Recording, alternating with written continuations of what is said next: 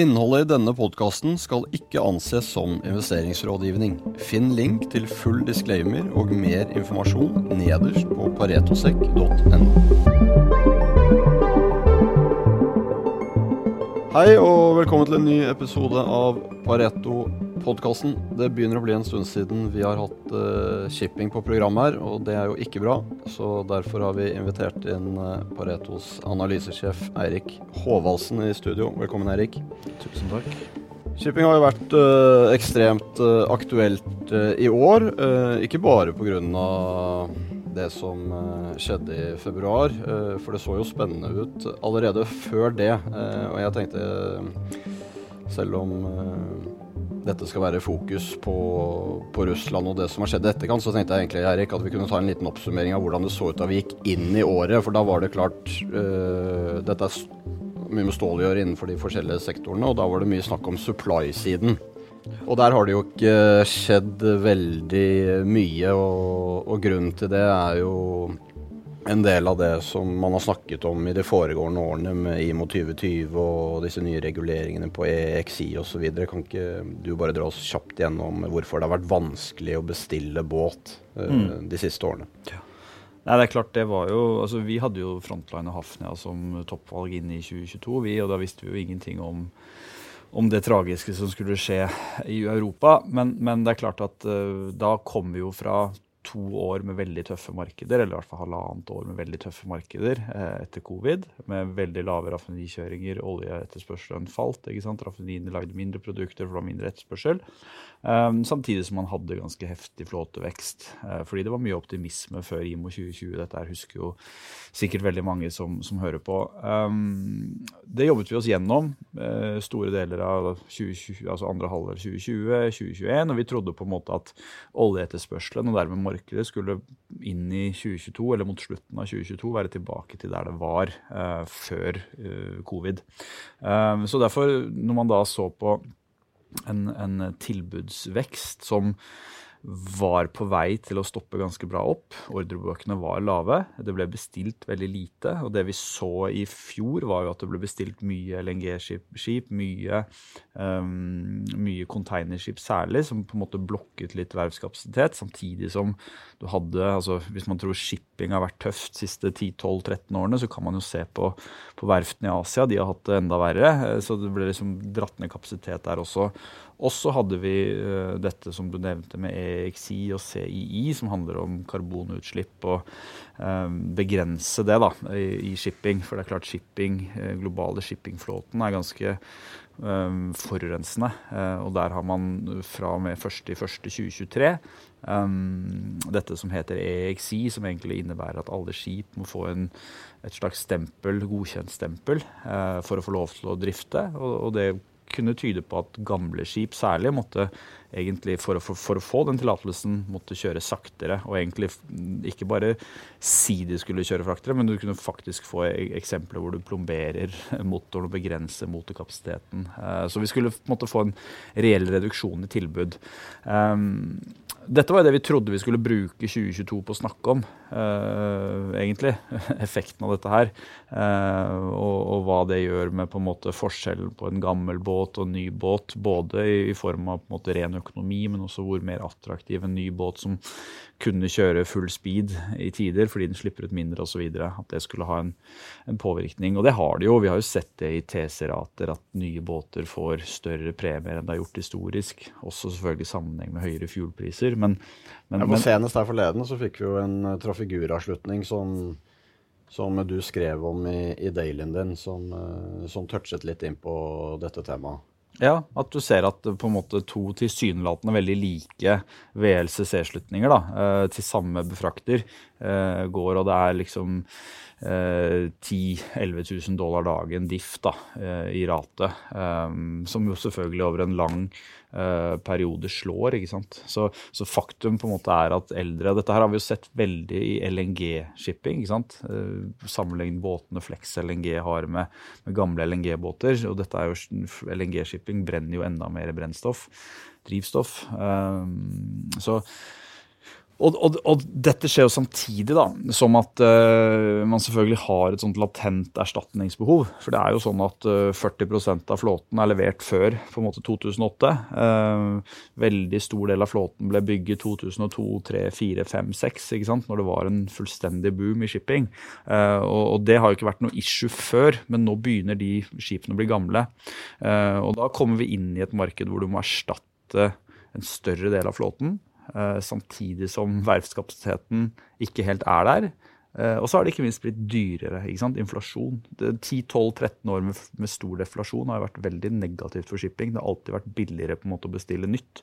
Mm. Uh, og nå har vi hatt motsatt effekt en periode, både fordi verftene har fått mer selvtillit, de har fylt opp ordrebøkene sine. Um, men også, også, fordi de ser at det er dette latente fornyingsbehovet. Og, men samtidig selvfølgelig også har det blitt dyrere å bygge stålpriser, motorpriser, arbeids, uh, arbeiderlønninger. Alt, alt, sammen har gått opp. Så, så, det er ganske ironisk nå. Det er egentlig veldig veldig spennende for shipping at vi er i en periode hvor ordrebøkene er egentlig så lave som de har vært noen gang, samtidig som vi egentlig må erstatte. Vi må både erstatte gammelt liksom helt naturlig, samtidig som vi har ekstra insentiver til å gjøre det pga. nye reguleringer. Uh, og Det skjer da samtidig som ordrebøkene er fulle, og det er mye dyrere å bestille enn det har vært på noe tidspunkt de siste 12-13-14 årene. Det fører jo til at veldig lite gjøres. ikke sant? Det er veldig lite, er veldig hvis vi går tilbake til uh, Hadde vi spilt denne podkasten for, for, tre år siden, da, 20, høsten 2019, hvor det var masse optimisme rundt uh, IMO 2020 og hva det skulle gjøre. Det gjorde jo at markedet ble veldig bra i, i fjerde kvartal 2019. Det var masse optimisme. Men da ble det også bestilt mye båt, og da kunne du bestille en VL på fortsatt 90 millioner dollar og få den levert to, to, år ned i veien. Mm. Um, Hva er teori teoretisk godt nå? 140? Ja, ikke, kanskje ikke så høyt, da, men det er i hvert fall for en konvensjonell VL så må du over 120. Uh, og siste bestilling som er gjort, er vi jo liksom fjerde kvartal 2025, egentlig. Inn ja. i 2026. Så du, du, snakker tre år pluss med ledetid da, til en mye høyere pris. Så det spekulative ordrebølgen som alltid kommer, den kommer jo ikke nå. Det, er, det, det lar seg ikke forsvare. Ikke du kan ikke gå og si at jeg syns det er null nedside ved å bestille en VL på 125 med levering tre-fire år ned i veien, eh, eh, og usikkerhet på liksom, Skal det være vanlig fuel, skal det være ammoniakk, skal det være LNG? Hva, hva, skal du bestille, egentlig? Det er jo dette her som gjør at uh, veldig lite gjøres. Og jo mindre som gjøres på den fronten, jo jo bedre er det jo for, for, shipping de neste par årene, selvfølgelig. Det er, det er ganske spennende at vi kan faktisk se 12-24 måneder frem og vite at flåten kommer kanskje ikke til å vokse, den kommer kanskje til å krympe. Det har på en måte ikke skjedd før. Det er jo ikke like enkelt å få penger til å bestille på, på spekk heller. Og det er jo litt spesielt med disse, alle disse LNG-båtene som er bestilt. Det bestilles jo stort sett mot lange, lange kontrakter. Mm. Så det er et litt annet marked enn ja, og det er jo klart at det er også, tørrbulk. Ja, og så er det også på en måte kanskje mer strukturelt voksende marked. da, Så der er det kanskje mer fornuftig å bestille. Og de som, de som faktisk gikk og bestilte spekulativt LNG for, for, et år siden eller to år siden, de har gjort en kule. Fordi de båtene koster nå mye mer å bygge. og Du kan låse de opp. Så Statoil, eller Equinor, da, som vi må si nå, eh, skulle ha en lang et nybygg med levering 2023. ikke sant? De som sitter og har båter i posisjon der, kan få ganske gode, eh, gode rater i, i, lang periode, tror jeg.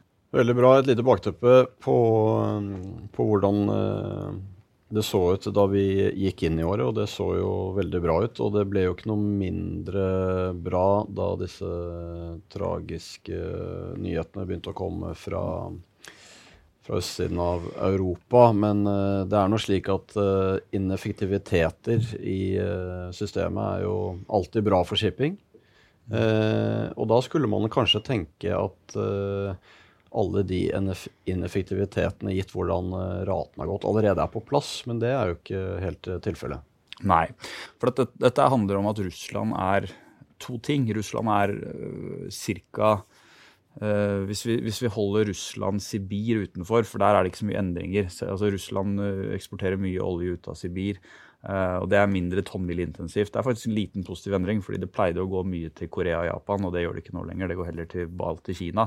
Hvis vi holder det utenfor da, og ser kun på det som går fra Østersjøen og, og Svartehavet, som på en måte er relevant her, um, så er Russland ca. to millioner fat råolje sjøveien i dag, og ca ja, en halvannen, 1,3 millioner fat produkter så det er en ganske stor del. ikke sant? Totale råoljemarkedet er drøyt 40, totale produktmarkedet er par og 20. Så, så, man er jo på en måte 5 pluss da, av det av totale markedet. Og det som er det fine, eller ja, det fine fra et samfunnsøkonomisk uh, syn, i hvert fall er at de volumene er veldig korte, er veldig effektive. ikke sant? De går stort sett uh, tolv dager frem og tilbake til et raffineri eller en terminal i Europa, eh, Nord-Europa.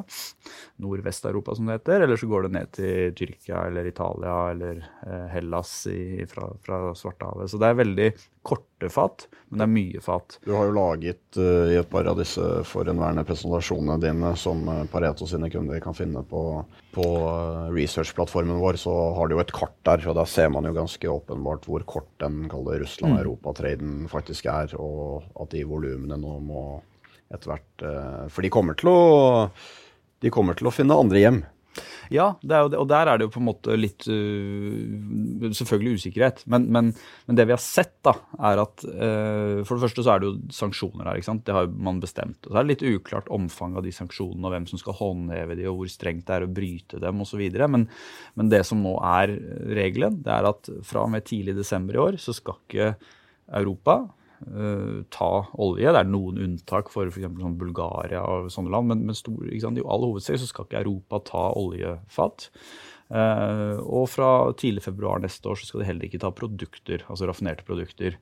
Uh, vi ser at det tvikes litt der. F.eks. så var fuel oil, da, som brukes som bunkers og kraftproduksjon og sånn, det, det, var først satt som, olje, som olje, så det skulle bannes fra, fra tidlig desember. Nå har de flyttet det til tidlig februar. Så, så, de gjør på en måte litt, og det er det som er interessant her. For at alle de sanksjonene, det det lyser fra sånn overordnet, er at man ønsker å gjøre det dyrt for Russland, man ønsker å gjøre det vanskelig for Russland.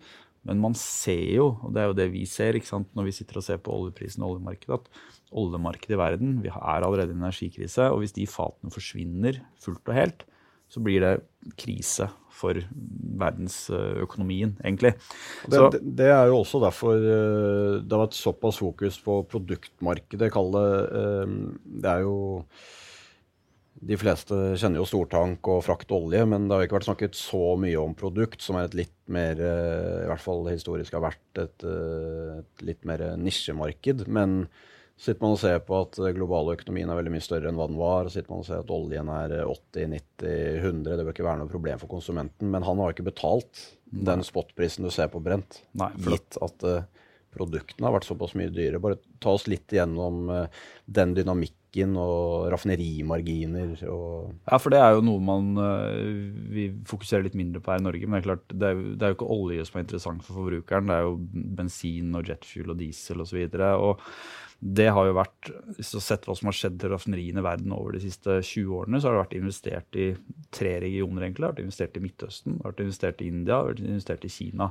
Ellers så har det fadet ut. Og, og, og det betyr jo at um, um, man er nødt til å importere ferdige produkter. Uh, og uh, marginene, altså det vi har i verden i dag, sånn som det ser ut, er jo en, en, en manko på raffinerikapasitet globalt. Det ser vi jo fordi, nettopp som du sier, diesel har kostet 150-180 eh, dollar fatet i oljeekvivalent.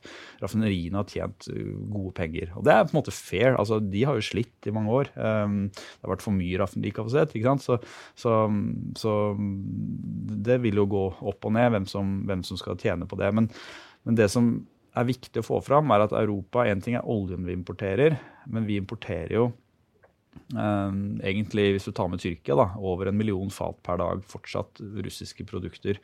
Um, det er i all hovedsak diesel, det er også en del nafta som brukes til petrokjemi. Men, men der har det egentlig ikke skjedd så mye etter krigen brøt ut. Det som skjedde, var at uh, Storbritannia og, Skandinavia og Polen og sånn sa vi skal ikke ta mer. Men, men, men, hvis du ser på de store landene, de fire store landene i Vest-Europa som, som importerer, så er det Tyskland, Nederland, Belgia og Frankrike. Og de importerer egentlig akkurat like mye som de gjorde før krigen. Til og med mer, faktisk, har vi sett. Um, og Det er jo kanskje litt overraskende for de som ikke følger med og ser på tallene. Ja, ja. At uh, Man tenker jo at Russland er helt ute av bildet uh, når man leser uh, de, i mediene, og det er jo ja, De gjør ikke noe galt. Altså, Det er lov. Det er ikke noe, det ikke noe sanksjoner på det. Det er kanskje et moralsk problem. Men, men, men det, dette her bunner jo ned i ned at diesel, særlig, da, er det manko på i verden. Det er for lite raffinerikapasitet. Og det er ikke sånn at et raffineri kan velge å bare lage diesel. ikke sant? De, de har en fast miks. De kan tilte litt og få ut maks diesel, for all del. Men, men det er liksom en, en, en sving på 10-15 av, av volumet. Det, det, er ikke sånn at du kan si nå skal vi ikke lage flybensin, nå skal vi bare lage diesel. Um, så det vi ser, er at diesellagrene i verden er lave. Um, og vi går inn i en vinter hvor du trenger mer diesel, for du bruker det til sånn ikke sant? Det er veldig, veldig inn å snakke om gas to oil switch veldig høye naturgasspriser, at du switcher over til å bruke diesel for, for kraftgenerering. Det er jo, Hvis vi blar oss litt fram til eh, nåtiden og hva som har skjedd med ratene, så har ratene nå på LR og MR, som er eh, Kall det store og litt mindre båter for de som ikke er inne i sjargongen. Eh, de har jo kommet litt ned, og det er helt vanlig. Det er sesongmessig, og det er fordi mm. raffineriene kjører vedlikehold. Mm. Men det ser ut til at vi kanskje har bundet litt der nå. At at uh, raffinerimarginene, som uh, ofte er en ledende indikator, har, uh, har, begynt å tikke oppover igjen. Og, de er jo en ledende indikator fordi at de uh, bestemmes egentlig sånn veldig forenklet sett, så er det prisen av produktet minus prisen av olje. Så egentlig prisen av det du får ut av raffineriet minus det det koster å dytte inn. Når de går opp, så betyr det enten at oljeprisen faller eller at produktprisen går opp. Og, og nå har vi jo sett at de går opp samtidig som oljeprisen har gått opp, som, som tilsier sterk etterspørsel. Prisene går opp. Um, og det er jo det vi nå ser i Europa. Uh, det er det vi tror vi kommer til å se gjennom vinteren. Uh, nå har du jo også hatt for en måte drahjelp fra f.eks. Frankrike, hvor det har vært stengt ned to store raffinerier, som gjør at man har fått problemer med, med drivstoff uh, og, og dieseltilbud der fra allerede lave lagre. Så, så, det vi mener på en måte skjer her da, for tank, det er at vi går fra å ha et marked der Russland er hovedtilbyder av olje og hovedtilbyder av produkter til Europa, til et marked der Russland må egentlig sende oljen sin til Asia. Det er det vi har sett. At eh, det har forsvunnet én million fat per dag russisk olje inn til Europa. Og det har egentlig i hovedsak gått nesten alt sammen til India. India importerte nesten ingen olje fra Russland for et år siden. Nå tar de 900 000 pluss fat per dag. Uh, og har sagt at de skal gjerne ta mer. De får jo rabatter, ikke sant. Um, de er vel blitt uh, nest største importør av russisk olje. og Hvis man ser uh, de seneste intervjuene med indiske statsministeren, så er det liten tvil om at de kommer til å fortsette på det for å sørge for at populasjonen deres har tilgang til så billig som mulig energi. Ja, og så sender de produkter. altså De har bygget store raffinerier langs hele kysten av India de siste 10-12 årene. Og det er raffinerier som også går, sender laster til uh, resten av verden. Um, så, så, det som skjer, altså, som du sier, de er nest største. Den største er jo da selvfølgelig Kina. Og, og, dette her kommer bare til å vokse. Kina har egentlig ikke vokst så mye i volumene sine. Siste måneden har de egentlig vært litt ned på det de tar av Russland. Men det har jo også sammenheng med uh, denne null covid-policyen og egentlig generelt lavere raffinerikjøring i Kina. Så fort kinesisk innenlandsk etterspørsel kommer tilbake, uh, hvis den gjør det noen gang, det tyder jo på at den, vi tror den gjør det, så vil de trenge mer råolje. Og så har de jo selvfølgelig også, som, som Kina har gjort i, i alt mulig annet, de, de, ønsker å booste på en måte innenlandsk eh, industri. Og, og, og, enten det er å importere jernmalm og kull og lage stål, som de så eksporterer, eller kjemikalier, eller nå i dette tilfellet importere mer olje og sende produkter som du får høyere margin på, til, um, til Asia. Så Nei, til, eh, til, eh, til, Vesten, egentlig. da. Og, dette, dette, er jo positivt for stortank, for der, måte, der kan vi fort tenke at en del negative ting som kommer med kutt, OP-kutt, og alle skal kutte, og det er selvfølgelig ikke positivt når du frakter olje rundt omkring, men, men Kina veier jo opp for det andre veien. Ja, og det er her liksom så på en måte Hvis man skal tegne to mulige scenarioer her, da, så, så er det jo Bull-scenarioet er jo at Russland fortsetter å sende olje til primært asiatiske kjøpere. Det er liksom snakk om at Cuba tar litt volumer, og kanskje andre eh, søramerikanske land tar litt olje. Men, men, men, de trenger egentlig ikke olje, de trenger produkter, for de har ikke raffinerikapasitet. Så, så bull case her er at oljen går til Asia. Det er jo fryktelig mye lenger å bruke 40 dager til Asia eh, enn å bruke 10 dager til Vest-Europa.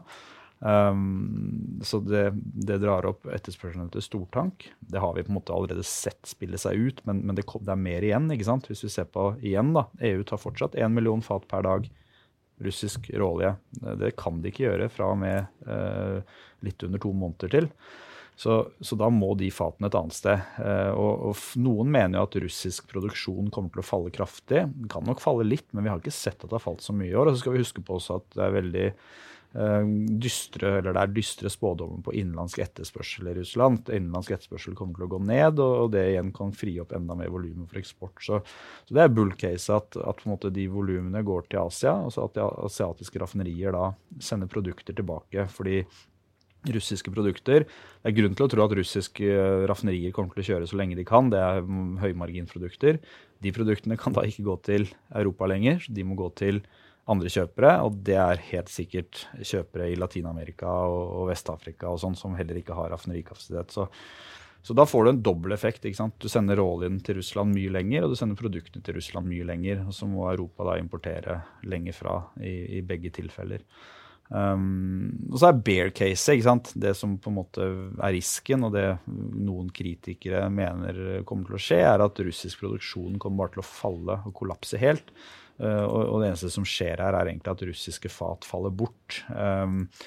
Uh, og det er klart, det, det, det, det, er ikke gitt at ikke det skjer. Det er ikke gitt at ikke de kommer til å få noe fallende produksjon. Uh, det kommer nok til å slå mer på, direkte på råoljen, at de kommer til å prioritere raffineriene. Det er derfor vi mener kanskje det er litt bedre risk reward å sitte i produkttankaksjer enn i stortankaksjer, akkurat som ting er nå. Vi liker Hafnia bedre enn på en måte uh, Frontline, selv om begge to er, er, ser kjempebra ut, så tror vi kanskje risk rewarden i produktet er bedre fordi russiske fat kommer til å falle bort i råolje før de faller bort i, i raffinerte produkter. Det var mye om, uh, mye om, tank. Det er klart uh, det er mye som uh, Det er lett å bli høyderedd i, i, i, i shipping, har historikken også vist det. Men This time is different er uh, alltid farlig. Men uh, det er en del ting som, uh, som, peker på at det faktisk er det. Og vi har jo bedre visibilitet da, på en del ting. Det er som du sier, på, på etterspørselssiden så kan man aldri være sikker på noen ting. Men det som er ganske betryggende nå, er jo den tilbudssiden som, som, ser ekstremt bra ut. Og dette er stål som må bygges, og du får ikke bare hentet det rett rundt uh, svingen. Hvis vi uh, avslutter litt med LNG, da, som også er uh, tematisk ekstremt interessant mm. med tanke på hva som skjer i verden, og da um, toucher man jo fort inn på, på USA og Europa, og Australia for så vidt. Nå går det jo mm. til og med laster derfra til, til Storbritannia. Men bare hvis vi tar en liten dragning av hvordan LNG-markedet pre-energikrise så ut, da. Mm. Så var jo det egentlig et ganske uh, visibelt, uh, enkelt marked. Uh, Kall det industrialisert, om, mm. om, man skal si det. Ja, altså LNG-shipping har jo vært der i 50 år. ikke sant? Man begynte, og det, de, Noen av de skipene som ble bygget da, er jo faktisk fortsatt i live. Men, men, men, det har alltid vært 20-årskontrakter. Det har vært som rørledninger. LNG-skip har vært rørledninger, så det har ikke vært noe sånn spesielt spennende spot shipping-marked. Det endret seg selvfølgelig med, for de som husker Fukushima i starten av 2011, da Russland, nei, da Japan eh, hadde dette tragiske uh, tsunamien uh, som, som, gjorde at de måtte stenge ned mye kjernekraft og importere mye mer gass. Da fikk du plutselig se på en måte konturene av et stort spotmarked og hvor lønnsomt det kan være da, for, for, de med skip i posisjon. Og så har det vært overbygget uh, egentlig siden 2013 og vært tungt. men men um, nå begynner det å bli såpass stort, dette spotmarkedet, særlig med, med, økende amerikansk eksport, som amerikanerne er litt mer uh, er lurere kanskje da, enn det av disse store utbyggingene i Qatar og Australia, som selger alle lastene egentlig langt på nesten fast pris. Um, amerikanerne har på en måte holdt unna mer til et spotmarked, og det har vi da sett da i år, at når Europa som i LNG-ekvivalenter, ikke sant, uh, får dobbelt så mye gass fra Russland som det de importerte LNG i fjor. Uh, når de da uh, plutselig ser at de må komme seg utenom den russiske rørledningsgassen, så begynner de å liksom panikken å bre seg. ikke sant? De kjøper egentlig alt du har sett da, av LNG-spot. Så de har det, det, det, Akkurat det er jo litt interessant, for der hvor du har et mye mer velfungerende spotmarked på, på, olje og produkter osv., så, videre, så så er det jo ikke noe problem med kapasiteten eller infrastruktur i Frankrike og Spania, men det går jo ikke noe rørledning til Tyskland. De har basert eh, alt på pipe eh, fra mm. Russland. og LNG er jo flytende naturgass som du fryser ned, så du trenger jo infrastruktur både på der hvor du skal dra fra, og der hvor du skal eh, komme. Mm. I tillegg, som du sier, så er jo mye av dette bundet opp på lange kontrakter. Så når du får en event sånn som du har fått i år, så er det jo ikke bare å hente masse raster fra et sted, for det er jo bundet opp veldig mye av kapasiteten. Ja, akkurat det. Og, og, særlig også på en måte Så én ting er importen, som du som helt riktig sier, at det er ikke noe problem med såkalt regasskapasitet i Europa. Eh, masse kapasitet, men den er bare på feil sted. ikke sant? Den er i sør er Spania. Eh, det er ikke noe, At ikke man har bygget ordentlige rørledninger mellom Spania og Pyreneene til Frankrike, er jo på en måte merkelig. Det blir nok diskutert nå, eller det blir diskutert nå. Men, men men Regas-kapasiteten brukes 50% i Europa, og, men den er bare da, som sagt på feil sted. Og Nå gjør de noe med det. da, Nå har jo Tyskland dratt inn flere flytende sånne FSRU-er, og, og, og, mer kommer til å skje der. Um, men det tar tid, ikke sant? for det er jo altså, LNG flytende ned til 160 grader minus. Det er på en måte ganske Uh, og, dyre uh, fasiliteter man må bygge. og så er det selvfølgelig En ting er importen, men, men også eksporten. Da. Det er lange løp, dette her. Det tar mange år og koster milliarder av dollar å bygge sånne eksportkapasiteter. Så, så, når da du plutselig får en event hvor alt liksom snus 180 grader tvert om, og, og, Russland må kjøpe, nei, og Europa må kjøpe laster, så gjør det at prisene på LNG går, går veldig høyt. Og der har det vært ekstremt lønnsomt da, for de som kan kjøpe laster i USA, implisitt de som på en måte har kapasitet til å selge amerikanske laster, hvor gassprisen styres egentlig av innenlandsk eh, tilbud etterspørsel, hvor det er nok av tilbud. Um, gassprisene i USA har også vært gått fantastisk i år. Altså virkelig, Henry-huben nå er nesten 7 dollar. Den var oppe i 10. ikke sant? Det er kjempehøye nivåer i forhold til hva vi har sett de siste 15-20 årene. Um, men det er allikevel ingenting da, i forhold til hva den er resten av verden. ikke sant? Når vi snakker 200-300 uh, dollar fatet oljeekvivalent på gasspriser i, i, Europa, og denne TTF-en som har vært 60-70-80 dollar per MBTU, så du har vanvittig profitt hvis du kan kjøpe det på på 8 dollar i USA og selge det på 70 i Europa. Um, og det er det jo på en måte å få, få, tilgang til den traden, det er vanskelig, for det ligger liksom gjemt inni. Det er Shell og Exxon og disse her som gjør så det ligger liksom gjemt inni enorme selskaper som har enorm profitt fra før. Men LNG Shipping har på en måte vært litt en måte å gjøre det på, da, fordi at du har litt begrensninger på, på skip. Og så har dette blitt politisk, så i teorien skal det være mer enn nok skip der ute. men når det blir så store summer det er snakk om. Du tjener 200 millioner dollar på å vippe én last eh, syv dager over Atlanterhavet. Eh, så, så, blir det jo sånn at shipping blir så politisk, så viktig, at der hvor man tidligere har et marked hvor du riletter hvis, hvis Shell ser at ok, vi, nå har vi en båt her, vi trenger den ikke de neste tre månedene, da bare legger vi den ut i spotmarkedet, så kan vi få litt dekning på den i tre måneder. Det skjer null nå. Fordi du kan ikke risikere å være uten båt. Og det motsatte skjer. ikke sant? Det skjer at et polsk uh, strømselskap som ser at uh, ok, hvis vi får tak i en ekstra last da, i vinter, så kan vi tjene 200 millioner dollar på det. Uh, da må vi bare leie inn en båt og ha liggende her. Om vi så bruker den på én last det året, så, så, er det verdt det. vi kan ikke unngå det. Så det markedet har bare blitt helt støvsugd. Uten sammenligning for øvrig så er det jo litt av det samme vi har sett på bilfrakt. ikke sant? Hvor du man kan jo tenke at makrotesen bil uh, Ingen som skal bestille bil, Nei. og det skal ikke produseres nye. Men når du ser at Tesla kommer med skuffende shipment på bilene sine, og markedsverdien faller 75 milliarder dollar på det, så skjønner du at uh, den kostnaden ved å bare sikre seg et uh, bilskip, den er, forsvinner liten for å sørge for at de bilene står på kai når de skal. Absolutt. Og det er, det er dette, det, dette, som er shipping i et nøtteskall. Og det er det som gjør sånn, jeg blir jo nesten opphisset av å snakke om det, ikke sant? fordi folk har tatt shipping for gitt. Akkurat samme måte som man har tatt energi for gitt, så har man tenkt at shipping det er noe uh, simple folk driver med. Det er enkel business. Um, uh, og ja, det er ikke nødvendigvis uh, man, altså, alltid så, så, så, krevende business. I hvert fall ikke så krevende å forstå. Men det som er krevende for folk å forstå, er hvor viktig det er da, for alle verdikjeder uten shipping. Da er det null verdi. da.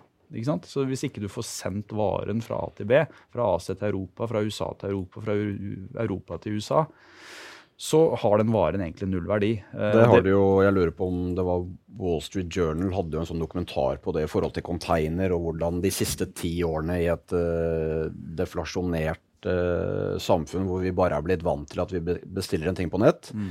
Uh, og så ligger den på, uh, i postkassen vår to dager etterpå. og Det er jo ingen, eller veldig få ting i verden som produseres der hvor de konsumeres. Nei, og det sant? er jo perfekt for shipping. Det er perfekt for shipping. Det, men, eller la oss si det på en annen måte. Det er derfor shipping er så viktig.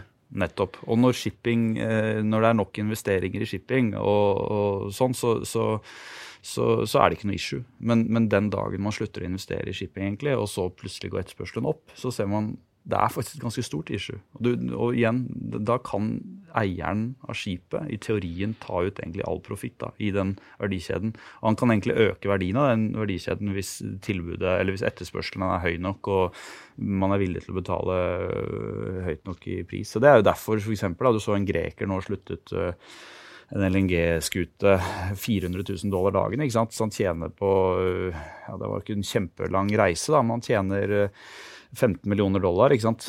På, på å gjøre én last. 15 millioner dollar på et skip som koster 200 millioner, litt mer nå å bygge. Det er på en måte helt sinnssyke summer da, når det skipet skal seile i 30 år.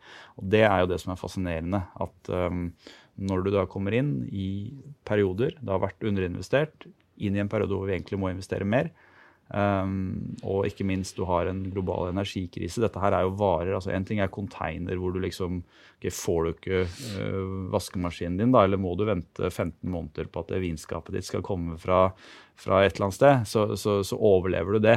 Men akkurat knyttet til energi, så, så er det faktisk uh, i enkelte tilfeller liv og død det står på. Og Da er betalingsvilligheten høy, ikke sant? og da må du bare kutte på alt annet. Og akkur akkurat nå så er det det at Europa har blitt en så stor uh, kjøper av LNG, det går jo utover andre i verden. Det er jo det som er det tragiske her, og som, som Tor Olav Trøy på en måte snakket om på vår konferanse her for en måned siden. Eh, at uh, alt som skjer nå, er, er, jo tragisk for land i særlig Sørøst-Asia. Uh, F.eks. Pakistan, da, som har investert stort i LNG-infrastruktur, importinfrastruktur, og basert seg på å kunne ta inn laster på en levelig pris. Og infrastrukturen er klar for det, for å øke på en måte sikkerheten i, i strømnettet. det som skjer nå, er jo at de må produsere enda mer kull. Eh, og så har kullprisen også gått, for det er manko på kull i verden. Eh, så de må bruke ved. og, og, og, får store strøm... Altså blackouts, da. Eh, så, så, vi i Europa klarer oss. Det koster mer, og vi må spare på andre ting. Men vi klarer oss fint. Mens i, i andre deler av verden så, så, er det jo rett og slett sånn at du må skru av aircondition om sommeren, som er ganske kjipt når det er 50 grader, og, og fryse om vinteren og, og ha det mørkt. da. Vi uh, må en liten tur innom LPG-segmentet òg. Der også er det muligheter å spille det på, mm. på Oslo Børs og, og i USA. Uh, der uh, har man jo historien snakket mye om USA, Asia og arbitrasje. Mm. Hvordan ser det markedet ut akkurat nå? Nei, det, det, det, var jo på en måte altså Der lærte vi jo virkelig i 2014-2015 hvor viktig sånn arbitrasjetankegang kan være. da, For at du hadde et produkt som egentlig var verdiløst i USA, nesten, men du kunne selge ganske bra i, i Asia og få ganske bra fra petrokjemi og, og retail-etterspørsel der. Så da ble det fantastisk, fantastiske rater for, for, shipping, fordi de kunne ta hele arben. Um, og disse rederiene her har jo egentlig med, med, med, unntak av 17-18, delvis 16, så har de levert veldig god avkastning. BVLPG har vært børsnotert nå i er det straks niårsjubileum fra de ble notert i sin siste form. Eh, og de har jo levert 14-15% avkastning på egenkapitalen, betalt gode utbytter, tjent gode penger um, og, solid verdiskapning. Eh, og akkurat nå er markedet der også godt. Tjener 50 000-60 000 dollar dagen, de nå. Og det går litt under radaren. Eh, vi er litt redd for ordreboken neste år, og så er det klart at mye av dette her er petrokjemi som som også kanskje i et på en måte resesjonsscenario skal etterspørselen litt ned etter, etter plastikk og, og, sånne ting. Men, men, eh, men, det betyr jo egentlig bare muligheter for rederier som har betalt ned mye gjeld eh, og egentlig er i en kjempegod posisjon. Da. Så, så vi, vi, er litt avventende inn i neste år, men, men, markedet nå er bedre enn vi trodde. Bedre enn markedet tror. Så sånn sett så har vi vært for, absolutt vært for, for avventende. Fordi, eh, fordi, selskapene tjener gode penger og, og kommer til å betale utbytte for tredje kvartal og fjerde kvartal også. Det er jo også et fint uh, derivat av det som skjer på shale-siden i, i, USA. Absolutt. Absolutt. Det er klart det er der hvor du får hvis, hvis, USA vokser mer enn man forventer i produksjon, så vil man klare å absorbere ordreboken neste år. og Da, da er de kanskje et kjempe, kjempegodt kjøp nå. Så har vi vært litt avventende på akkurat det. Jeg tror, vi, eh, jeg tror vi lar det være med det. Som sagt, det er eh, ekstremt mye som eh, skjer i den globale verden akkurat nå. Det er en haug av ineffektiviteter. Det er ekstremt lønnsomt å være shippingmann akkurat nå. Pareto har den beste shipping-researchen i byen. Den finner du på våre nettsider, så det er bare å logge inn der. Eirik, tusen takk for tiden din. Selv takk. Vi ses i neste episode. Ha det bra. Vi minner om at denne podkasten ikke inneholder investerings- eller annen type rådgivning. Handel i verdipapirer medfører til enhver tid risiko, og historisk avkastning er ingen garanti for fremtidig avkastning. Pareto Securities er verken rettslig eller økonomisk ansvarlig for direkte eller indirekte tap, eller andre kostnader som måtte påløpe ved bruk av informasjon omtalt i denne podkasten. Finn link til full disclaimer og mer informasjon nederst på paretosek.no.